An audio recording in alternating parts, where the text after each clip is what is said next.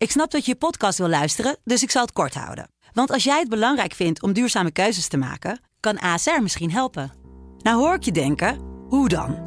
Nou, bijvoorbeeld bij het duurzaam herstellen van schade. Of de premies die we beleggen volgens ons duurzaam beleggingsbeleid. Dat bepaalt waar we wel en juist niet in investeren.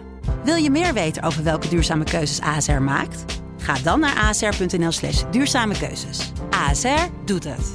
Zo, dan kan je nu lekker naar je podcast luisteren. Deze podcast is mede mogelijk gemaakt door OBAM Investment Management. Al ruim 85 jaar Nederlandse beleggingshistorie met beleggen in aandelen wereldwijd. Ervaren, actief en met een duurzaam rendement investeren in uw financiële toekomst. OBAM Investment Management, de kunst van het kiezen. Kijk op obam.nl voor meer informatie. Maar andersom je natuurlijk ook, hè. Ik bedoel, in de winkel gaan kijken van, nou, dit wil ik wel eh, kopen. En dan kan je in je winkel op je telefoon al zien van, nou, en dan vervolgens ga ik bij een van de grote online ketens Je kan het online even Anders- 10 euro goedkoper Precies, is het een tientje goedkoper. Dit is Kwestie van Centen. Een podcast van de Financiële Telegraaf met Martin Visser en Robert Ophorst. Martin, jij als boekenverslinder, heb je, heb je, al, een, eh, heb je al een bestelling gedaan? Bij, eh, bij mijn boekhandel. Ja, Nou, ik loop toch wel regelmatig even binnen, ja. ja maar je hebt nog niet besteld. Ik heb het nog niet besteld, nee. Nee, ik heb het nog niet besteld. Maar, De- de- eh, ik heb het over de biografie van eh, Elon Musk. Oh, jeetje. Oh, je hebt het ook heel specifiek over een boek, ja. Ja, Ja, jij dacht er weer makkelijk vanaf te komen. Ja, met een of ja. andere, dat je het zelf mocht invullen. Nee, nee meneer. Visser. ja. Elon Muskus. Walter Isaacson. Op eh, 12 eh, september komt hij uit. Ik weet nog niet of ik hem ga lezen hoor. Maar eh, ik dacht, eh, ja, we schrijven zoveel over Elon Musk. En dit was, eh, ja, het is wel een... eh, ik, ik, ik heb, de, heb je die biografie van hem gelezen? Van Steve Jobs destijds? Nee, nee, ik ben, nee, ik, ik, ik val hier genadeloos door de mand. Maar Lees je wel eens biografieën? Nou, bijna nooit. Geen Ja, heb- favoriet genre van je? Ehm, ik heb een paar biografieën van Hitler in de, in de kast staan. Van Eichmann. Oh ja. eh, Herman Hess. Ehm, Ik, ik voel een patroon. ja, ja, het zit een beetje in dezelfde tijdvak, zeg maar.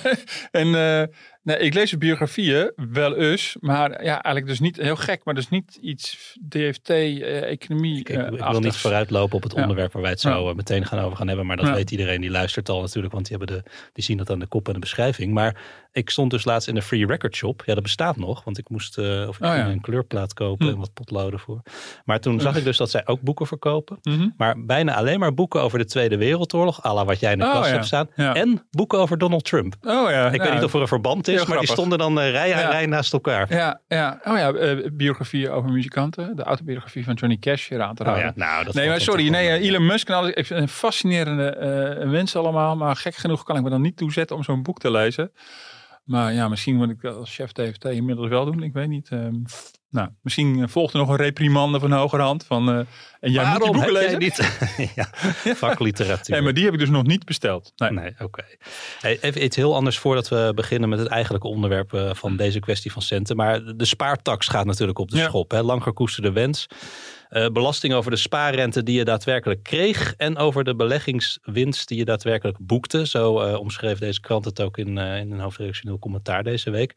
Nou, daar kan niemand het mee oneens zijn, toch? Maar waarom kan dit in 2027? Want dan moet het ingaan opeens wel. Ik bedoel, Gerrit Gezalm die sloeg in 2007 al alarm over het grote Ja. ICT-probleem bij de fiscus. In de 15 jaar daarna beten meerdere kabinetten hun tanden stuk op eh, voorgestelde belastinghervormingen. En elke keer waren de problemen terug te voeren op de gammele ICT die nog net niet letterlijk van Ja. paperclips en plakband aan elkaar hing. Zijn al die Ja. problemen dan opeens als eh, toverslag verdwenen? Ja, nee, ik sla even aan op het woordje ineens. Waarom kan het in 2027 dan ineens wel? Nou, is, dus Nou ja, ik, ik, ik, er is dus geen sprake van nee, ineens. dat is waar. Dit is een, eh, inmiddels een breed geleefde politieke wens om, om eh, mensen niet meer af te rekenen op een zelf door de fiscus verzonnen rendement op spaargeld of op beleggingen. Ja. Maar op het echte rendement wat je boekt. Of je spaarrente, of je winst op een aandeel, of, of, of welke belegging dan ook. En het kan dus niet ineens. Nee, dat is precies, alleen we eh, hoorden ja. tot nu toe steeds van ja, logisch misschien dat, Ja. dat, dat iedereen dat wil, maar het Het kan, kan, niet. Ja, nou, het kan. Het, het, was, het was inderdaad eh, om twee redenen ingewikkeld. Dus inderdaad in de uitvoering. En daarvan moet nog maar blijken of dat straks dus ineens wel kan. Maar ook om, omdat het eh, makkelijker gezegd dan gedaan is in een aantal andere opzichten. Eh, een van de kwesties die op te lossen was van ja, maar reken je beleggers dan echt elk jaar af op, een, op het rendement van het afgelopen jaar. Terwijl ze dat nog niet gecashed hebben bijvoorbeeld. Bedoel, als jouw aandeel eh, gestegen is, maar je hebt het niet verkocht, ja, dan heb je dat geld niet in kas. Nou, het antwoord is ja, dat gaan ze dus wel doen. En hoe doe je dat bijvoorbeeld met, eh, met, eh, met vastgoed of verkoop van je tweede huis? En daarvan is het antwoord, nou, dat, dat, dat, dat wordt pas op het moment van cashen dan ook belast. Nou, dat zijn een van de dingen. En hoe zorg je dat het systeem waterdicht is met alle vormen van beleggingen? Hoe doe je met bitcoin? Dus ik denk dat hier deze race nog niet helemaal gelopen is. Ehm, en Gerrit zal misschien ook wel denkt van nou, eh, ik heb het zo helemaal niet zo gek bedacht destijds met dat fictieve rendement. Ehm, de rechter vond het niks, maar het was al super eenvoudig in de uitvoering. Winkelketen Big Bazaar gaat een flink aantal van haar vestigingen in Nederland sluiten. Het is nog niet duidelijk of de winkels in Den Bosch, Os en Uden daarbij horen, of dat ze toch open blijven. In Nederland heeft de keten 125 vestigingen. Er werd eerst gesproken over 13 filialen die dicht gaan, later ging het om 25. De vestigingen zouden dicht moeten vanwege oneenigheid met verhuurders over de huurkosten. Medewerkers zouden op een andere locatie ingezet kunnen worden en daardoor hun baan kunnen behouden. Scotch en Soda, Score, Jason, Big Bazaar, Shubi. Spreek ik het eigenlijk uit als Shubi? Ik, ik, ik, ik kom Ja, er nooit. eh, ja, maar, eh, dat het- weet ik het- ook pas sinds kort. eh, het zijn maar eh, ik ben geen enkele- vaste klant. Maar, eh, Enkele voorbeelden van winkelketens die de afgelopen tijd in het nieuws kwamen door eh, financiële problemen.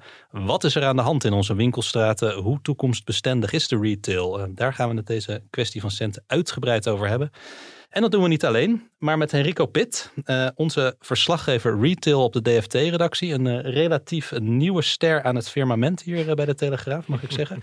Rico, je, werkt, Rico, je werkt sinds de zomer op de basis weg, maar het is niet zo dat je baas Martin Visser, toen je hier aan de bak ging, zei: Zo, en nu, vanaf nu ga je over retail schrijven. Jij verdiept, je al, ik al. Dat- jij Ja. verdiept je al jaren in dit onderwerp, Ja, toch? Ja, ja ik ben ook van het vakblad Retail Trends.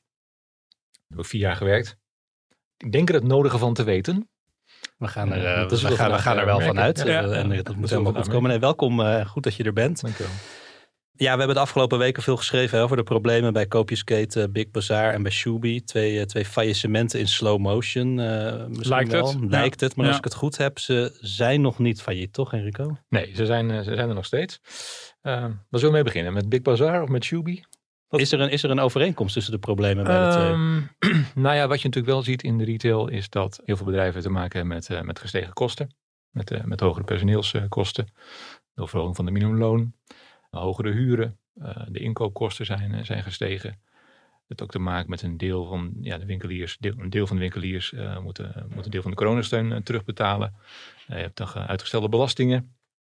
Dat eh, gecombineerd met omzetten die niet eh, al te hoog eh, zijn door het, eh, door het lage consumentenvertrouwen. eh, dan, dan, ja, dan zie je natuurlijk wel dat het een, ja, een beetje een giftige cocktail aan het worden is. Is heel dat ook wat specifiek bij deze, wel- bij deze twee ketens speelt? Ja, maar elk bedrijf heeft, heeft ook alweer zijn eigen, zijn eigen verhaal. Precies, niet- want niet elke discountketen, koopjes, eh, hoe noem je het, koopjesketen staat op omvallen. nee, nee. Dus, eh, en Nee. in dit geval Big Bazaar heeft het dus wel heel moeilijk. Eh, voor, voor de luisteraar die denkt van Big Bazaar, wat is het ook weer voor winkel? Eh, ik, ik kom er eigenlijk nooit. Eh, het is in 2007 opgericht door het eh, moederbedrijf van Blokker. Dat deed toen de, de Blokker Holding. Intussen de Mirage Retail Group. Een beetje als antwoord op Action. Dus goedkope spulletjes, huishoudelijke producten, drogisterijartikelen, hondenpoepzakjes, discoballen, van alles, van alles, van alles en nog wat. Ja, ik zie Martin wel kijken, discoballen. Ja, ja, ja. dat, dat spreekt mij wel aan. Ja. Ja, eind 2021 toen, toen werd het verkocht door eh, de Mirage Retail Group. Die, die dacht van ja, het past niet helemaal mee bij ons. Eh, wij eh, zien heel veel in de combinatie winkelstraat en, en online. En ja, met een discountketen online succes hebben valt er niet zo mee door die, door die, lage prijzen en lage marges. Dus die wilde ervan af en dat werd toen, toen verkocht aan, eh aan Heerke Kooistra, een man die nou geregeld eh, in de media opduikt. Althans zijn naam, want zelf is hij niet heel erg zichtbaar. Nee, we hebben geen foto van hem Nee, we konden vinden, geen foto van hem vinden. Ja. Oh ja, dat is altijd heel onhandig als je op, Een profiel op- bij, bij Ja, een krantenredactie werkt. We Kan in wel- Nederland een soort, soort gek genoeg, we hadden een discussie over, een kleine zijstand, Ja. een soort schimmig gevoel, terwijl dat hoeft natuurlijk helemaal niet, dat is op niks gebaseerd, maar dat je denkt van, hé, hey, eh, Hoe kan dat? je bedrijf is het in het Hoe doe je nieuws dat? en, eh, en, en we hebben helemaal geen foto van. Maar niet, Maar niet elke ondernemer is een Freddy Heineken. Nee, niet iedereen staat de hele tijd eh, op de foto. En, Ik kan wel een andere heer Costa tegen, dan die was van de SGP, maar dat, dat, is hem niet. Dat, dat is Ja. deze weer niet. Ja, Ehm, Ja, die, die, die kochten dus in, eh, in, in eh, oktober 2021. Uh, toen 135 winkels. Ik heb hem ook wel gesproken rond die periode. Hij zei 135 is eigenlijk een beetje aan de lage kant. We is dat aan de lage kant voor Ja, voor vond, vond hij wel. Ik, ik, ik een beetje richting de 170, 180 wat was zijn idee. Nou ja, dat is nooit gelukt. Ja, daar eigenlijk alleen maar minder. En, uh, Want als je niet de massa hebt van minimaal 170 ja, je, je winkels, hebt, dan, dan, dan, die inkoopkracht kan het gewoon niet nodig. Ja. Ja. ja. als je het vergelijkt met Action met een 2300 winkels, uh, in geloof ik 11 landen uh, inmiddels, dan ben je ook een heel, heel kleine speler. Um, waar, wil, waar wil ik naartoe? nou ja, ik bedoel, het ging ook over de specifieke omstandigheden. Hè? Ik bedoel, dit is natuurlijk een schets van hoe, waar, ze vandaan, waar ze vandaan komen. Maar is te zeggen bijvoorbeeld waarom Action het goed doet en Big Bazaar het moeilijk heeft? Of is dat een te simpele vraag? Ja. Um, nou ja, ik, over die problemen, nog even over die problemen misschien. Want ik denk dat het één of twee maanden geleden kwamen die problemen aan de oppervlakte. Hè, bij, hmm. bij Big Bazaar. Toen bleken ze een keer uh, flinke huurachterstanden uh, te hebben. En de leveranciers die kregen, die kregen hun geld niet. En um, ja, Costa die wees dan heel erg op die, op die hoge huren. Wat dan echt hmm. een, als, een, als een molensteen uh, om zijn nek hing. Um, dat in combinatie met dat uh, de, de, klanten kwamen de winkels wel, wel, wel binnen, maar ze kochten veel minder. Maar die huurcontracten, die, die sluit je toch aan het begin van een periode af en dan, dan weet je toch wat je, wat, wat je daaraan kwijt bent. Dat is toch niet iets wat ineens uit de lucht komt vallen? Ja, dus dat, dat is misschien ook maar een deel van het, van het verhaal. En ja, je ziet wel die, die inkoopkracht van Action is natuurlijk, uh, is natuurlijk ja, fenomenaal. Uh, ja. Dat. En ze hebben natuurlijk ook heel veel uh, ervaren verkopers daar, daar rondlopen. En ja, hoe dat bij Big Bazaar uh, um, zat, ja, dat is, dat is, toch maar een beetje de vraag. Je hoort snel wel, ja, het, het, is, het, is, het is een kopie. Hè? Ja. Je, je, je, wil action een beetje nadoen en dan word je nooit zo goed als het origineel. Nee.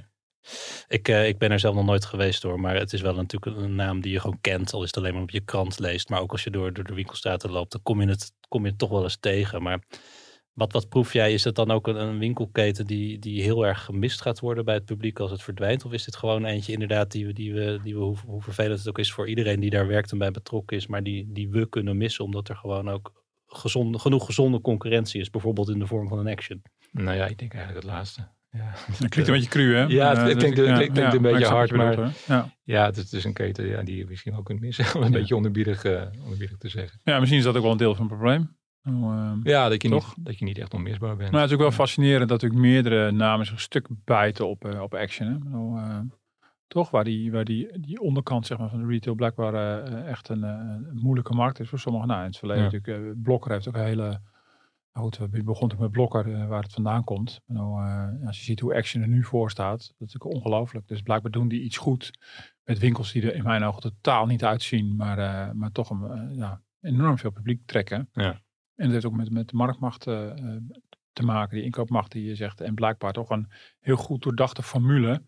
Als je door de winkel loopt, dan denk je, wat is dit voor een, uh, een rommel? Maar er zit natuurlijk echt een heel, heel goed idee achter. En, uh, en dat blijkt dan... Uh, het is wel uitgekiend, ja. Het is heel uitgekiend en dat blijkt dan toch wel heel erg te werken. Een paar jaar geleden was een beetje het modewoord, je moet voor beleving in de, de winkel zorgen. Nou ja, daar is bij Actions eigenlijk helemaal geen sprake van. Dus ja, maar misschien wel op, maar, maar, dan op een andere manier. Je krijgt ja, natuurlijk wel inderdaad de indruk van, hey, het is hier goedkoop. En uh, ja. achter in elke bak waar ik kijk ligt weer wat, uh, een soort grabbelton. Ja, ik heb een soort anti-beleving hoor. Ik denk van, waar is de uitgang? Maar goed, ik, ik, maar goed ik, kom, ik kom er wel eens. Maar de, de blokker bij, bij ons bij Eiburg is dus in de loop van de tijd vervangen door een Action. En, ja. Hm. En die uh, blokker, uh, die liep voor mijn gevoel helemaal niet goed. En, uh, en die action die loopt dus een tierenleer. nou, dat geldt ook voor heel veel winkelcentra in Nederland waar dat zo gegaan is. Dus dat is ook wel fascinerend. Dus dat is wel interessant. Het is een structurele trend. Dat zullen we denk ik wel uitgebreider gaan bespreken nog. Dat het aantal winkels daalt. Maar je ziet dus dat het sommige ketens vol treft. En andere gewoon het eigenlijk goed doen. Misschien niet zelfs van profiteren. Want uh, Big Bazaar gaat ook, ook, winkels afstoten. Dus, dus er zijn ook weer kopers voor. Ja, dus, uh, ja, ja. dus er blijven gewoon partijen instappen die wel die mogelijkheden weer zien.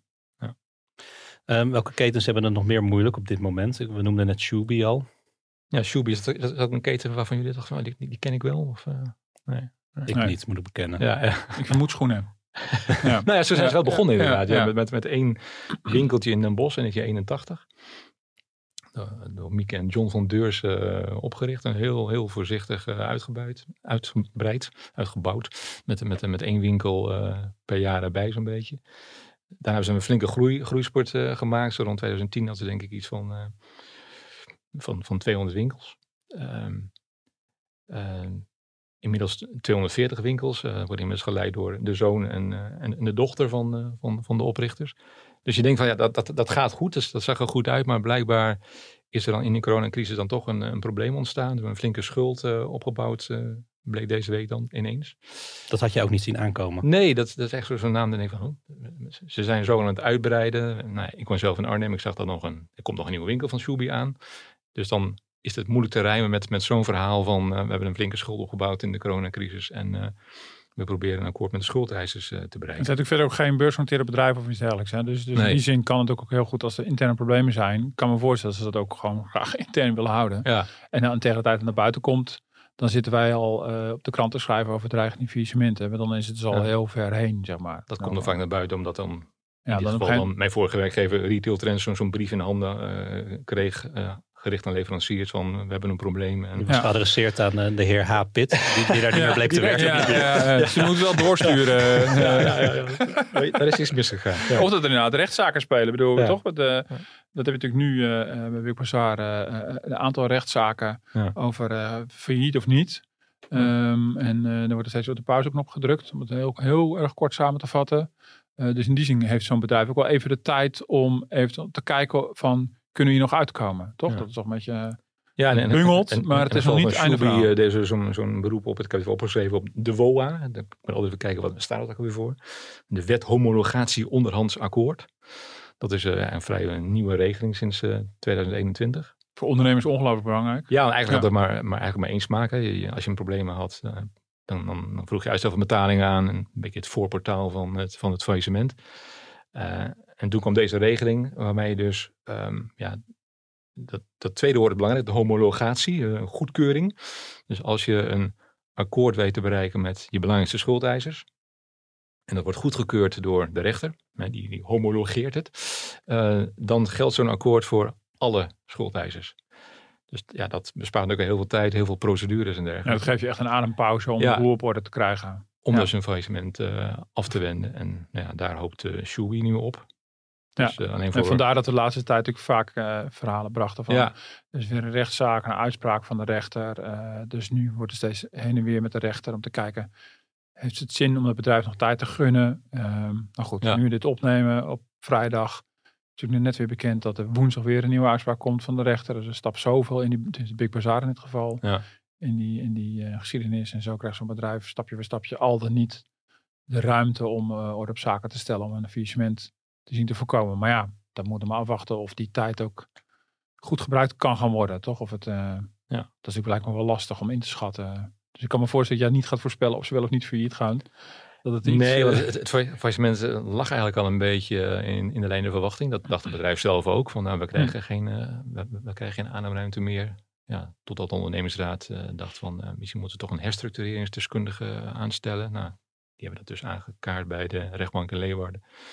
En die komt daar woensdag uh, mee, naar, mee naar buiten of ja. het wel of niet uh, gaat gebeuren. Ja, dus vandaar de slow motion, uh, ja. zoals jij het noemde. Ja. Zijn, zijn er voorbeelden eigenlijk van, want als ik dat dan als buitenstaander dit soort verhalen lees, dan denk ik van nou, dat, dat, dat, dat, dat, dat komt eigenlijk nooit meer goed. Maar zijn er voorbeelden van bedrijven die winkelketens die zijn geherstructureerd en toch weer tot bloei zijn gekomen?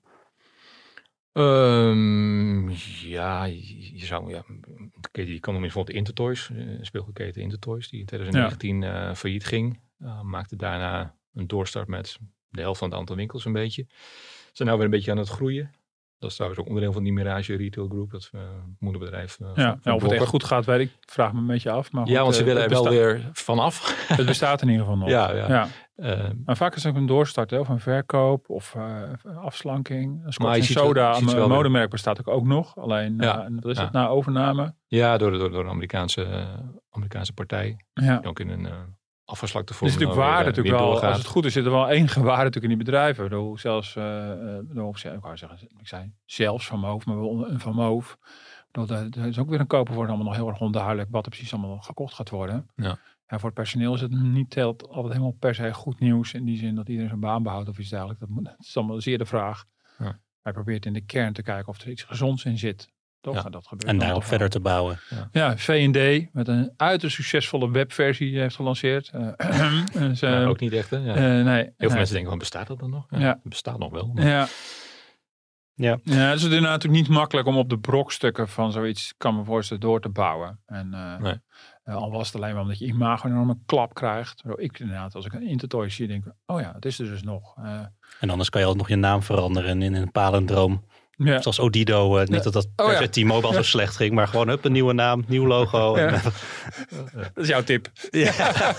Bedrijf het Moet dokter dan een palindroom moet het zijn. Ja, Ik ineens, eh, weet niet van, oh ja, wat was het ook alweer? Oh ja, ja. Nou, voor en achter hetzelfde. eh, Ja. Ja. Ik noemde net een rijtje van winkels die om zijn gevallen of dreigen om te vallen. Nou, dat klinkt dan meteen heel alarmerend. Maar wa- wat zeggen de harde cijfers nou eigenlijk? Zijn er, zijn er dit jaar ook meer faillissementen als je het vergelijkt met dezelfde periode in voorgaande jaren? Nou ja, dat is misschien wel een beetje het gekke. Met het aantal faillissementen valt op zich nog wel mee. Eh, als je het van eh, als je de- deze eerste helft van het jaar vergelijkt met die van, eh, van vorig jaar, dan is er wel een stijging. Maar in het tweede kwartaal zijn er minder bedrijven failliet gegaan. Althans in de de- detailhandel dan in het eerste kwartaal. Ehm, dus dat, dat, dat verbaast wel enigszins. Nou, als je de grafiek ziet, is een soort stuiterbal, hè?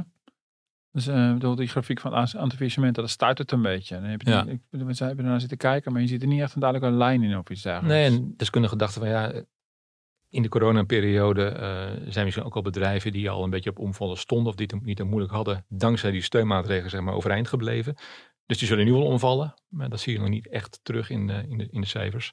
Maar de stoppers, de vrijwillige, tussen aanhalingstekens vrijwillige Dat is, bedrijfsbeëindigingen. dat is wel flink, eh, flink toegenomen eh, Ja. begin dit jaar. Ja. Ja. En dat is ook vele malen groter dan het aantal faillissementen. Ja. Dus dat, ja, dat de vraag is hoe vrijwillig dat precies is. Nou, ja, de dus Kamer, je had faillissementcijfers zeggen lang niet alles. Nee, die zeggen lang niet alles. En dat is een Nee. fractie van de bedrijfsbeëindigingen. En die bij elkaar opgeteld geven natuurlijk een, een indruk van, van de dynamiek. Dat zegt Er inderdaad eh, iets. Ja. Ja, er zitten staat- ook wel weer heel veel webwinkels eh, bij Ja, hè, die, die, ja. die gestopt zijn. De Kamer Koophandel telt Heel veel mensen die in, die zo'n coronaperiode dachten, nou, een webshopje openen, dat, dat, lijkt, dat lijkt me wel wat. En eh, die na dan toch één, na één jaar of twee jaar erachter komen, ja nee, dat bevalt me toch niet echt. Dus eh, die, Ja. die stoppen daar daarmee. Maar ook in de detailhandel, in de, de, de stenen winkels, om het maar zo uit te drukken, zie je wel dat in elke categorie het aantal stoppers wel, eh, wel toeneemt. Ja. Ja, dus, Maar dan nog, bedoel, even om, om het van die Mhm. cijfers aan te vullen. Ehm, eh, de, de cijfers die het CBS heeft, zijn zeer overtuigend. Als je kijkt naar de lange termijn trend. Als je gewoon kijkt van, simpel, simpel gezegd, hoeveel winkels waren er in 2010 en hoeveel zijn er nu nog over. Was in 2010 eh, telde CBS eh, iets minder dan 100.000 winkels in Nederland. En we zitten net, nu net iets boven de 80.000. Dus het neemt gewoon echt gestaag af. Met sommige jaren waarin het wat harder gaat. En andere jaren waarin het wat langzamer gaat. Dat is een hele duidelijke trend. En het aantal webwinkels maakt exact de omgekeerde beweging. En inmiddels hebben we, ik weet niet of dat nog steeds zo is, maar dat laatste van CBS was meer webwinkels dan Ja. fysieke winkels in dus in de winkelstraten wordt het stiller en online wordt het drukker. drukker. Ja. ja, dat is de korte samenvatting. Ja. Ja. Dus dan zie je, en dan zie je inderdaad ook als je dat gaat uitsplitsen naar sectoren en branches, zie je natuurlijk wat we al lang met z'n allen hebben waargenomen. Dus namelijk dat de platenzaak verdwenen is, de speelgoedwinkels zijn weg, eh, heel veel kledingzaken, heel veel schoenenzaken. Eh, en dat is een, een, een gestage neergang van het, eh, of, of een afname van het eh, aantal Ja. winkels. En dat zie je geïllustreerd worden nou, door het nieuws van deze week eh, met, een paar, eh, met een paar namen van ketens. Maar er zit natuurlijk nog het tal van eh, andere bedrijven en winkeliers achter. Misschien wel één Pitters, eh, een modeboutique in, een- in een kleinere, in een kleinere, eh, in een kleinere stad. Eh, het zijn natuurlijk niet alleen maar de grote namen die, eh, die omvallen of de deuren sluiten. En dat gaat gewoon onverminderd door, die trend. En dat is ook met name te wijten aan dat we gewoon eh, graag eh, online winkelen. Dat het makkelijk is, dat het ook goedkoper is. En dus dat we minder ook in de winkelstraat komen. Of speelt, speelt er meer? Nou ja, dat is, dat is natu- natuurlijk wel een belangrijke, eh, belangrijke oorzaak. Zet dat ook door dus, als je die, die, die Ja, dit, lijn ziet. dit, dit, dit- dit is een beetje aan het afvlakken, eh, begreep ik in de, na de zeer succesvolle coronaperiode natuurlijk voor de webwinkels. Ja. Eh, maar dat is wel een belangrijke, belangrijke oorzaak. Nou, wat wel interessant is, eh, ik, ik kan me herinneren, ik heb heel veel over de eurocrisis geschreven. Ik realiseer me dat het inmiddels ook al meer dan tien jaar geleden is. Dus het is een beetje oude doos. eh. Dus je, dus, je, dus je begint ook een beetje te denken van, moet ik er nog wel steeds over beginnen? Maar voor mij is dat, bedoel, dat was zo'n heel aantal jaren, dat was zo'n bepalende periode. Maar ik kan me ook wel herinneren dat ik in de terugblik op de eurocrisis ook wel eens een keer in een presentatie op een gegeven moment op zoek ging van naar, hoeveel bedrijven er eigenlijk failliet waren gegaan. En ik kan me herinneren dat voor mij nu.nl een keer een, eh, een lijst had gepubliceerd met alle winkelketens die waren omgevallen. Eh, en, en de eurocrisis duurde heel veel jaren. Maar het was echt een indrukwekkende, eh, indrukwekkend lange lijst van jee, van allerlei winkels en, en- en bekende merken die in problemen waren gekomen. En je ziet dus als je die langjarige trend eh, op een rij zet, zie je ook van nou, het gaat gestaag. Het aantal fysieke winkels gaat omlaag. Maar het krijgt steeds een extra duw als er economisch iets aan de hand is. Ja, het is zo logisch als wat. Maar dat zie je dus nu weer gebeuren. Net als bij de eurocrisistijd was het een, een, Ja. een periode. Dus ze dat- hebben het al, al zwaar. hebben het al en elke zwaar. keer als er dan Ja, nog en een nu- externe, ja, eh, nou, als zoals Henrico nog een begon, keer tegen zit, krijgen ze nog een extra duw. Exact. Dus, uh, zoals Enrico begon, het is nu ook eh, naast die structurele trend een optelling van eh, de, de lockdown die we hebben gehad, die met name natuurlijk de non-food heeft, eh, hard heeft getroffen, ondanks alle steun. Vervolgens zijn er ondernemers die moeten ineens nog allerlei belastingsschulden gaan zitten terugbetalen, misschien wel huurachterstanden eh, of, of, of uitgestelde huur vanwege die lockdowns. Zou ook allemaal kunnen. En dan krijg je nog eens een keer die inflatie, waar natuurlijk wel de ondernemers mee te maken hebben, hoge kosten, maar ook de consument die voorzichtiger gaat worden met besteden. En dan zie je dat zo'n zo'n tijdelijke eh, economische problematiek geeft een enorme extra duw aan iets wat structureel aan, aan, aan de gang is. En het herstelt dan daarna ook niet echt meer. Ik bedoel, als, je, als je het nu niet redt, dan de kans dat je dan daarna. eh, bedoel, het is niet zo dat na de energiecrisis en hoge inflatie het aantal winkels straks ineens weer gaat stijgen. Dan krijgt gewoon zo'n structurele trend gewoon een Ja. extra duw. De, de, de problemen van de een bieden altijd kansen voor, voor een ander. Liggen er ook kansen in deze ontwikkelingen voor, voor, voor, voor retailers? Ehm, nou ja, heel concreet. eh, ik sprak deze week met een directeur van Vibra. Die, die zag wel mogelijkheden ehm, in de voormalige Big Bazaar eh, panden. Die dacht wel, nou ja, de- dat biedt mij wel mogelijkheden om dan juist daarin te springen. Vaak op toch wel goede locaties misschien. Ja, het zijn vrij goede locaties. Eh, hij noemde ook meteen een struikelblok. Ja, de huren zijn wel aan de hoge kant. Dus er moet dan wel iets aan gebeuren. Dus het is niet dat we één op één zomaar daar, daarop, daarop gaan inzetten. Maar dat is bijvoorbeeld een keten die denkt van ja, nee, daar- daar zie ik wel brood in. Ja, en dat is natuurlijk ook een mooi moment natuurlijk. Hè? Ik kan me voorstellen, hij heeft ook een fantastische eh, onderhandelingspositie. Toch? En richting Big Bazaar. En richting, richting die verhuurders. Die zeggen, ja, graag of heel niet. Eh, Ja. En, eh, dus ik kan me voorstellen, ja, krijg ik ook een beetje een aasgierig gevoel bij. Eh, misschien een beetje, een beetje, een beetje onaardig. Ja. Eh, dus een, het is een kans, maar het is ook gewoon, ja, weet je, die, die partij ligt op de grond en die, en die moeten wat. Ik bedoel, voor mij, Henrico, het laatste nieuws was dat, dat Big Bazaar ook winkels in België wilde af, gaan afstoten. Ja, ze hebben Dus- denk ik tussen, tussen de vijf en de tien in België. Dus Ja. Ze hebben misschien niet echt heel veel, heel veel zoden aan de dijk. Maar ze zeggen wel van, we gaan kijken of we die kunnen verkopen. En die deal schijnt ook bijna rond te zijn. En ja, het geld dat we daarmee eh, ophalen, dan kunnen we de, de schooltijd misschien voor een deel weer... eh, Nou, dat tekent natuurlijk ook een beetje de situatie. Ik bedoel, dat is wel de manier waarop ze te proberen het hoofd boven water eh, te houden. En, Ja. en inderdaad, bedoel, het is niet zo dat er voor omgevallen ketens dan nooit meer iets terugkomt. Dus het andere van die structurele trend is gewoon de totale optelling van het aantal winkels Ja. dat daalt. Maar er zijn ook wel degelijk mogelijkheden van, nou, we noemden net al de action. Bedoel, er zijn ook wel, wel degelijk ook heel succesvolle ketens die ook gewoon, dus ik, niet, ik kan me ook niet voorstellen dat iemand verwacht dat alle winkels ooit zullen verdwijnen. Natuurlijk zal er ergens een nee, keer een soort nieuwe balans aan. ontstaan. Ja. Bedoel, Er is altijd behoefte aan Ja. winkels. En dan moet je de juiste formule hebben, op de juiste plekken zitten. In hoeverre speelt de krappe arbeidsmarkt eh, winkeliers nog part? We hebben net inflatie genoemd, dat, dat is een, een, een probleem dus. En die krappe arbeidsmarkt, als je gewoon geen personeel meer kan vinden, ja, dan wordt het ook lastig om, eh, om alle dagen die je wilt open te zijn bijvoorbeeld. Ja, dat is nog steeds wel een probleem. Dat zie je steeds wel dat- winkels eh, bepaalde eh, mo- momenten van de dag eh, dicht zijn. Dus ze gaan eh, later open of eerder dicht. Ehm, dat is wel een probleem dat nog steeds wel eh, Ja. aan de gang is. En Ja, je hoort het als argument niet helemaal. En niet bij faillissement of iets dat kom niet dergelijks. heel vaak, wel, vaak tegen, nee. Maar Nee. Maar het kan natuurlijk wel degelijk. Het is wel onderdeel van de gestegen kosten natuurlijk ook. De loonkosten nemen toe. Ik heb ook het Ja. idee dat als ik door de winkelstraat loop, dat het nog ietsje minder is dan eh, bijvoorbeeld vorig jaar. Dat, toen zag je echt overal eh, van we zoeken personeel. Misschien dat ze het Oh, ook op, eens op Ja. hebben gegeven. Dat, Ja. dat ze denken van nou het lukt toch niet. Maar of ze hebben ze wel gevonden of ze doen het op een andere manier. Nou ja, volgens de statistieken is, is de krapte nog steeds heel groot, maar wel net even een, tak, een, een- een tandje minder. Dus dat klopt ook wel. Eh, we natuurlijk een, ja, in die zin natuurlijk een hele rare periode achter de rug. Even los van dat die lockdowns ab- absoluut niet leuk waren en, en corona voor sommige mensen verschrikkelijk.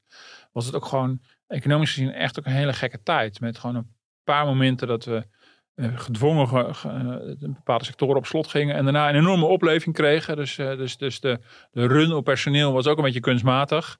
Ja, en op een gegeven moment moet dat effect er een beetje uitgaan. En dan, dan blijven hangen op de, ja, op meer de structurele krapte eh, ontstaan door de vergrijzing. En eh, dus daar bewegen we heel langzaam naartoe. Dus het zou best kunnen kloppen dat eh, ja, nu de enorme vraag naar het horeca personeel misschien een beetje afneemt. Dat er ook weer ruimte ontstaat voor, voor retailers. In de laatste tien jaar is het aanzien van de Utrechtse binnenstad grondig gewijzigd door de bouw van het immense complex Hoog Katarijnen. Een shopping mall, hè, zoals het in, het Engels-Amerikaans heet, was echt nieuw voor, nou, misschien wel voor, Europa. Toen Hoog Katarijnen open ging, was het het grootste winkelcentrum van Europa. En uh, ja, was alles nieuw, alsof je in een teletijdmachine stapte in de moderne wereld. Ze kwamen hier van heine en verre met bussen, met treinen, met auto's, kwamen ze hier naartoe. Ze wilden dit graag zien. Laten we het even hebben over het eh, straatbeeld. We hoorden net een eh, fragment van Hoog Katerijnen, geliefd en, uh, en, en nou, gehaat is misschien een groot woord, maar bespot zal ik maar oh, ja. zeggen. Oh, is het ook geliefd? Oh, dat is geliefd. Ja, ja.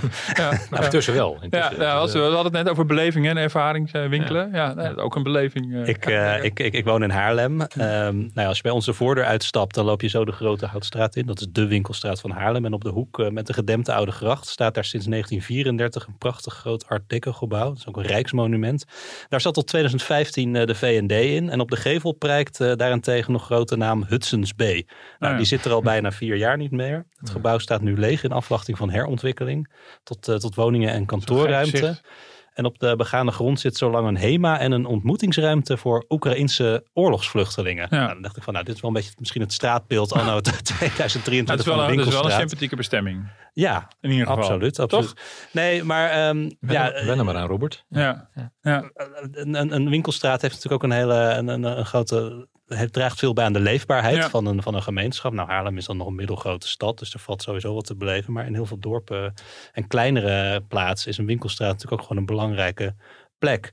Ja. Um, ja, we hadden net over panden die, die leeg komen te staan door, uh, door afstoten of een faillissement. Maar het is natuurlijk ook helemaal niet zo heel makkelijk om daar weer iets nieuws mee te doen blijft misschien ook vaak lang leeg staan. Ja, dat geeft die winkelstraat ook soms een beetje naargeestig. Uh, ja, maar toch sprak jij Rico uiterlijk. voor jouw grote zaterdagverhaal. Uh, dat, uh, dat dit weekend in de krant staat. Toch ook alweer een expert die relatief positief was. Hè, over hoe de. Wat, wat, wat zien we als we door de ja. winkelstraat van nou Nederland ja, sowieso, lopen? Het valt me de leegstand ook nog wel mee. Nou, nogmaals, ja, de cijfers, hè, de, de harde cijfers. In Haarlem zit ook veel pop-up kunstgalerieën. Nou ja, kijk, als je zo door de winkelstraat loopt, dan zie je denk ik vast wel een keer van, oh, is daar weer een pand leeg? Oh, nog eentje. Maar als je naar de harde cijfers kijkt, dan gaat het denk ik om 6%.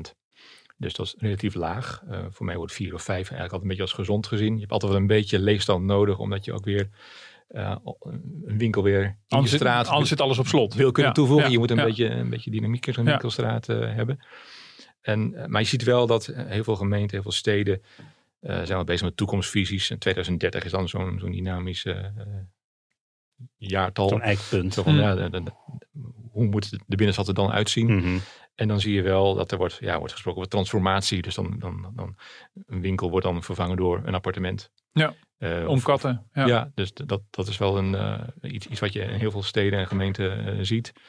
de, de binnenstad, eigenlijk het winkelgebied, wordt, wordt, wordt een beetje compacter. Dat is wel een beetje wat je vaak hoort. Die, die, die bekende aanloopstraten waar dan een enkel winkeltje zit moet eigenlijk een beetje vanaf. Dus het is heel, heel veel wonen, uh, cultuur, uh, sport. Uh, en toch vraag me dat af of dat nou gaat werken. Want ja, ik, heb, ik heb altijd begrepen dat met name in de wat kleinere steden dit als een probleem wordt gezien. Tenminste, toch de zorg dat die kleinere, de, de, de kernen, de, de, de, de stadcentra in de wat kleinere, dus niet per se de dorpen en ook niet de grote steden, maar juist alles een beetje tussenin. Van heb je nog voldoende in huis, zeg maar, in je winkelstraat om mensen te lokken? Of gaan, uh, of gaan mensen dan toch liever naar de grotere stad die iets verderop is? Ja. Uh, want ja, je gaat op zondagmiddag, ga je, als je wil gaan shoppen, uh, ga je wel langs kledingwinkels en weet ik veel het allemaal. maar je gaat daar niet langs appartementen lopen. En als het alleen maar horeca is, ja. Ja, weet je, dat is nee, het zou altijd iets er, moet, er moet altijd een combinatie precies, moeten zijn. Dus er moet wel iets overblijven. Ja, ja, maar het is wel een, inderdaad een precaire balans. Als er ja. te weinig winkels zijn, ga je inderdaad niet meer die. Nee, dan denk je van, nou ja, weet je, dan ga ik liever ergens anders. Want het is, ja, bedoel, je doet het gewoon shoppen kan je gewoon voor je lol doen. Als het heel noodzakelijk is, ja, dan denk ik dat heel veel mensen dan heel veel dingen online doen. Of dat ze op zoek gaan naar iets waar alle soorten winkels bij elkaar zijn. Nou, ik kan me het met mezelf voorstellen van nou, de kinderen hebben weer nieuwe schoenen of nieuwe kleren. Nou, dan ga je heel doelgericht van ik ga daar naartoe. Want dan heb ik dit, dit en dit bij elkaar. Ja. Weet je wat nou. echt iets voor jullie is? Hoog Katerijnen. Ja. nou, gelukkig is dat alles, beetje... alles compact bij elkaar. Ja, ja, ja, nou ja, wat je zegt, dat, dat, dat doelgericht winkelen, daar is ook, ook wel sprake van. Hè? Die, die deskundige die ik dan sprak, die, die spreekt dan... Uh, over het run shoppen en, en fun shoppen. Oh ja. We, gaan, we ja. gaan eigenlijk van het fun shoppen naar het run shoppen. Je, Hm. Online ben je, ben je aan, het, uh, aan het oriënteren. Ja. Je kunt vaak ook nog wel zien uh, welke maat uh, beschikbaar is in de winkel. En is die niet, Ja. Want dan ga je Ja. niet, is hier wel, dan ga je wel. Ja, maar andersom hoort natuurlijk ook. Hè? Ik bedoel, in de winkel gaan kijken van, oh, dit wil ik al eh, kopen. En dan kan je in je winkel op je telefoon al zien van, nou, en dan vervolgens ga ik bij een van de grote online En ketens je kan het kopen. online Anders- 10 euro goedkoper Precies, krijgen. is het een Ja. tientje goedkoper. En eh, nou, dan zit je dan als ondernemer Ja. met je ervaringswinkel en eh, je belevenis, maar je hebt geen omzet. Ja. Dus eh, dat is best wel, eh, best wel ingewikkeld. eh, Het is ook heel begrijpelijk dat gemeenten daarmee bezig zijn. U, u noemde net inderdaad de leefbaarheid. Maar in hoeverre valt dat ook te plannen vanuit een gemeente? Het is toch ook gewoon marktwerking eh, waar je maar beperkt invloed op hebt als bestuurder? Op zekere hoogte wel. Eh, ja, je, hebt, je hebt ook al een, een rijksaanpak. Dat heet de impulsaanpak winkelgebieden. Dat is een, een, een pot van 100 miljoen euro eh, die, die voor projecten eh, beschikbaar is. Dus eh, waar ook allerlei partijen bij betrokken zijn. Dus je, je hebt, je hebt wel, wel een zekere sturing die je aan het beleid kunt, kunt, kunt geven. Maar ja, voor een deel is het ook gewoon een kwestie van, van wat de markt kan Ja. en wil. Nou, je weet ook wel iets van ruimtelijke ordening, stedelijke planning. Ik bedoel, Ja. de middelen zijn natuurlijk wel beperkt. Maar je kan, het is misschien minst goed om over na te denken. En de vraag is inderdaad waar je allemaal ja tegen zegt. Als je bijvoorbeeld eh, overal maar ja zegt tegen grote outletcentra aan, aan de randen van, van steden. Ja. dan, dan weet je ook dat jouw binnenstad minder interessant wordt. Het is wel goed, gelukkig wordt er door Ja. lokale besturen van wel over nagedacht. Ja, je hebt ook wel, ja, als je het met, met Duitsland of met België vergelijkt, wel een stringent overheidsbeleid dat er Ja. zeg maar, buiten je centrum mag niet zoveel. Hè. We, we hebben hier geen Belgische baanwinkels of eh, de, de Franse hypermarchés of zo, weet je wel. Dus Nee. En gelukkig maar. in, die zin worden binnensteden wel. Enigszins beschermd. Ja, eh, ja, het, het meer ziet dan er andere natuurlijk ook niet uit. Dus, ehm, ja, nog nee, vooral in België niet verschrikkelijk zeg. Ja, al, die, ja. al die lange linten met, eh ziet met er echt uit, geestdodende nee. winkels. Nee. verschrikkelijk. En, Ja. eh, en, eh, Nee, goed. dus in die zin doen we het ook zo slecht nog niet. Als Nee. je In, in. Amerika heb je ook veel van die, die, die shoppingmalls die dan inderdaad eh, helemaal voor driekwart leeg staan. Echt een beetje van die, Ja. van die spookmalls. Ja. Ja. Dat soort tafereelen voorzie jij dus niet hier in onze winkelstraten. Nee, en ook als je het over die, over die, over die, die winkelcentra hebt, eh, die, die, die werken ook aan een, aan een nieuwe structuur. Hè, die eigenlijk een beetje hetzelfde wat heel veel binnensteden nu ook willen. Dus eh, als je bijvoorbeeld een Wereldhaven hebt, eh, de eigenaar van, van diverse winkelcentra, die maakt er dan ja, zogenaamde full service centers van. Maar ook een combinatie van winkels en horeca en uh, Sanquin, de bloedbank zit daar en je, je, kunt er aan de sportschool. Dus die werken ook aan een, aan een heel andere structuur. Dus je kunt er nog steeds winkelen, maar het bedoelt is dat je er veel meer kunt doen dan, dan alleen maar winkelen. En ik sprak de, de, de CEO uh, Matthijs Storm een paar jaar geleden en die zei van ja, eigenlijk hebben we ook gewoon een lijstje liggen met, waar dan namen op staan van retailers waarvan we denken nou, die zouden wel eens om kunnen vallen over een paar jaar. Dus daar leggen eigenlijk al plannen voor van stel, die damesmodeketen, ik zeg maar wat, die verdwijnt. Hm. Wat doen we er dan in? Uh, gaan we, gaan we, gaan we zo'n pand opknippen, zodat er wat pop-up stores in kunnen komen? Of gaan we er een horecazaken neerzetten? Dus, uh, Klinkt als een interessant lijstje. Ja, ik zou het lijstje wel een keer willen zien. Maar nee, ik wou net vragen. Dat, dat lijstje wilde, wilde, hij niet delen. Oh, dat, wilde, nee, dat geeft nee, niet. Nee. Maar goed, maar nu werk je bij de Telegraaf. Dus, uh, ja, ja, Thijs. Dus, uh, ja, ja, nee, maar dat is wel interessant om te zien hoe ja. de partijen daarover nadenken. En de, inderdaad ook de, op vooruitlopen. Dat niet alles wat nu is, zal blijven bestaan. En nee. Uh, dat het nee, wel een verandering ook, is. Ook in het geval van Big Bazaar heeft hij ook al een lijstje klaar liggen. Hè, van, uh, hm. Hou er ook een tijdje rekening mee. Van, nou, zou wel eens echt definitief om kunnen vallen. En wat gaan we daarmee doen? Ja. Dus wat is een beetje jouw afdronk na jouw uh, grote zaterdagverhaal over, over de staat van onze winkelstraten? Dat er wel degelijk iets aan de hand is.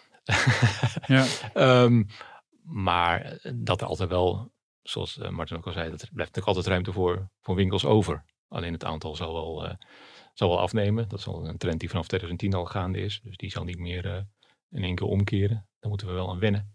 en we veroorzaken het zelf. Nou ja, is de grap van het geheel. Hè? Ja. We doen het gewoon, we doen het gewoon zelf met ons online gedrag. Zo simpel is het. Ja, ja gewoon al die winkels weg. Ik heb ook hele mooie schoenen aan vandaag. Althans, voor ja. mezelf. Die, die, heb ik dan uh, ook via een, via een webshop in Italië besteld. Ja. Dus ik, ik ben zelf ook al... Uh, ja, en dat is ook niet altijd te, te zien hè, voor de consument wat er achter de, de gevel zit aan moederbedrijven. Maar uh, bij sommige mensen, dat vind ik zelf lijkt me dat geen goede ontwikkeling dat alles alleen maar ketens uh, wordt. Dus dat uh, of je nou in uh, gemeente A komt of in gemeente C aan de andere kant van het land, je treft er precies dezelfde winkels aan in de winkelstraat. Ik zie ook wel veel ja. kleinere, ogenschijnlijk kleinere zaakjes en, en veel diversiteit. En dat geeft toch wel een levendig idee in plaats van dat je alleen maar overal dezelfde HEMA's en dezelfde Big Bazaars ziet. Ja, dat blijft ook zeker wel belangrijk voor, voor de aantrekkelijkheid van de binnenstad. Ja. ja.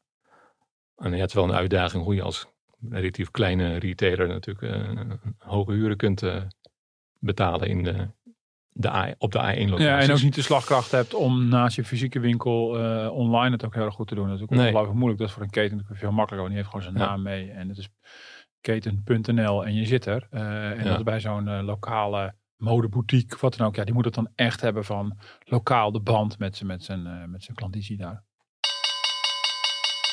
Klinkt daar weer de bel Ja. van de rondvraag. Ja, Ja, ik kreeg eh, onlangs eh, van ons eigen pensioenfonds een enquête. Maar ook nog van een, eh, van een kleiner eh, pensioen. Of tenminste, voor, voor, ik, ik heb dan ook bij een vorige werkgever nog een pensioentje lopen. Dat is dan wat kleiner van omvang. Ehm, en dan, krijg je, dan mag je meebeslissen hè, met in, in het kader van de nieuwe, nieuwe pensioenstelsel. Hoe, met hoeveel risico wil je dat uw pensioen wordt belegd? oh ja. Ehm, dus dan heb ik met, met enige ge- ge- gretigheid die enquête eh, ingevuld. omdat er ook wordt gevraagd naar eh, het hoe maatschappelijk verantwoord je wil dat er met jouw eh, Ah, ja. geld wordt belegd. Nou, ik schat in dat jij totaal niet maatschappelijk verantwoord wil beleggen. dat heb je heel goed nee, gezien. veel in wapens. ja, vooral heel veel wapens en Nou ja, fossiel. Ik, mijn standpunt is inderdaad, eh, je moet gewoon rendementen. Je bent, eh, bent op aarde om rendement voor je, voor je deelnemers eh, te De halen. tabaksindustrie. En wat me vooral dan ook tegen de, tegen de Ja. borst. Ja. nou, Ja. waarom niet? Maar nee, omdat dan wordt er dus een keuzemogelijkheid voorgehouden. Dan staat er Hmm. van, nou, kruis de drie doelstellingen aan die u het belangrijkst vindt bij maatschappelijk verantwoord beleggen. Dan heb ik net al aangegeven dat het van Hmm. mij helemaal niet hoeft. Maar dan krijg je dus van die dingen. Geen armoede. Nou, niemand wil armoede. Geen honger. Niemand wil honger. Goede gezondheid en welzijn. Nou, een hele lijst met allemaal dingen Ja. waar je niet tegen kan zijn. Alleen het wordt natuurlijk helemaal niet gespecificeerd waar je dan precies in gaat beleggen. Dus ja, eh, ehm, als het gaat over schoon water en sanitair. Ja, Hmm. of je dan in eh, iets belegt eh, in, een, in, in een bedrijf dat waterputten slaat in Afrika. Of in eh, een of andere Hmm. activistische milieudefensie. Maar jij bent nu onbedoeld maatschappelijk verantwoord aan het beleggen, omdat het zo algemeen is gesteld dat je er niet tegen kon zijn. Ik heb geen van deze doelstellingen aangevinkt. Oh. Nee, maar ik bedoel maar even, er Hmm. wordt, er wordt je voorgehouden, je kan meebeslissen. Hmm. We luisteren naar je, maar het is ook altijd een beetje een schijnkeuze Ja. bij dit soort... Maar dit klinkt alsof ik deze post ook heb gehad. Maar, ehm, ja, je keek me ook verbaasd aan. Maar, eh, de- ja, ik kies altijd bij keuzemogelijkheden in, in deze sfeer altijd voor de default optie. ik kijk meestal even, is er ook een default optie? En wat gebeurt er als ik niks doe? dat is- heeft meestal mijn voorkeur. Maar goed. maar ik ging er dus ook vanuit dat het met die nieuwe pensioenwet te maken had. Maar Ja. dat, dat is misschien niet zo. dat Eh, weet jij beter dan. Nou ja, de, de, de, de, ruimte en keuze die je hebt voor, de, voor, voor risico nemen, heeft daar natuurlijk wel degelijk mee te maken. Die, eh, Ja, toch? Die, die, die dat kon, dat, daar nemen- kon je voorheen toch niks over ja, zeggen. die, die, die, die mogelijkheden nemen toe. Ja. En, eh, eh, dus ehm, ja, maar goed, ik heb voor mij al eerder gezegd, ik heb heel veel over pensioenen geschreven, maar ik vind het macro en institutioneel super interessant. Maar voor mijn eigen pensioen, ja. Nou, maar wat vind jij er dan van? Dat de pensioenfondsen zich ook eh, bemoeien eh, met allerlei eh, Nou ja, ik, maatschappelijke, ehm, ik- maatschappelijke onderwerpen? Ehm, ja, ze, ze, ze, ze zeggen zelf altijd dat dat is omdat hun deelnemers dat willen. Kijk, als dat zo is, dan ik vind dit al overigens al beter als je de keuze krijgt. Nou, um, maar wat ik wel echt wel een, problema een problematisch vind, is bijvoorbeeld dat de ABP een tijd geleden besloten heeft om helemaal uit fossiel te stappen en uit Shell te stappen.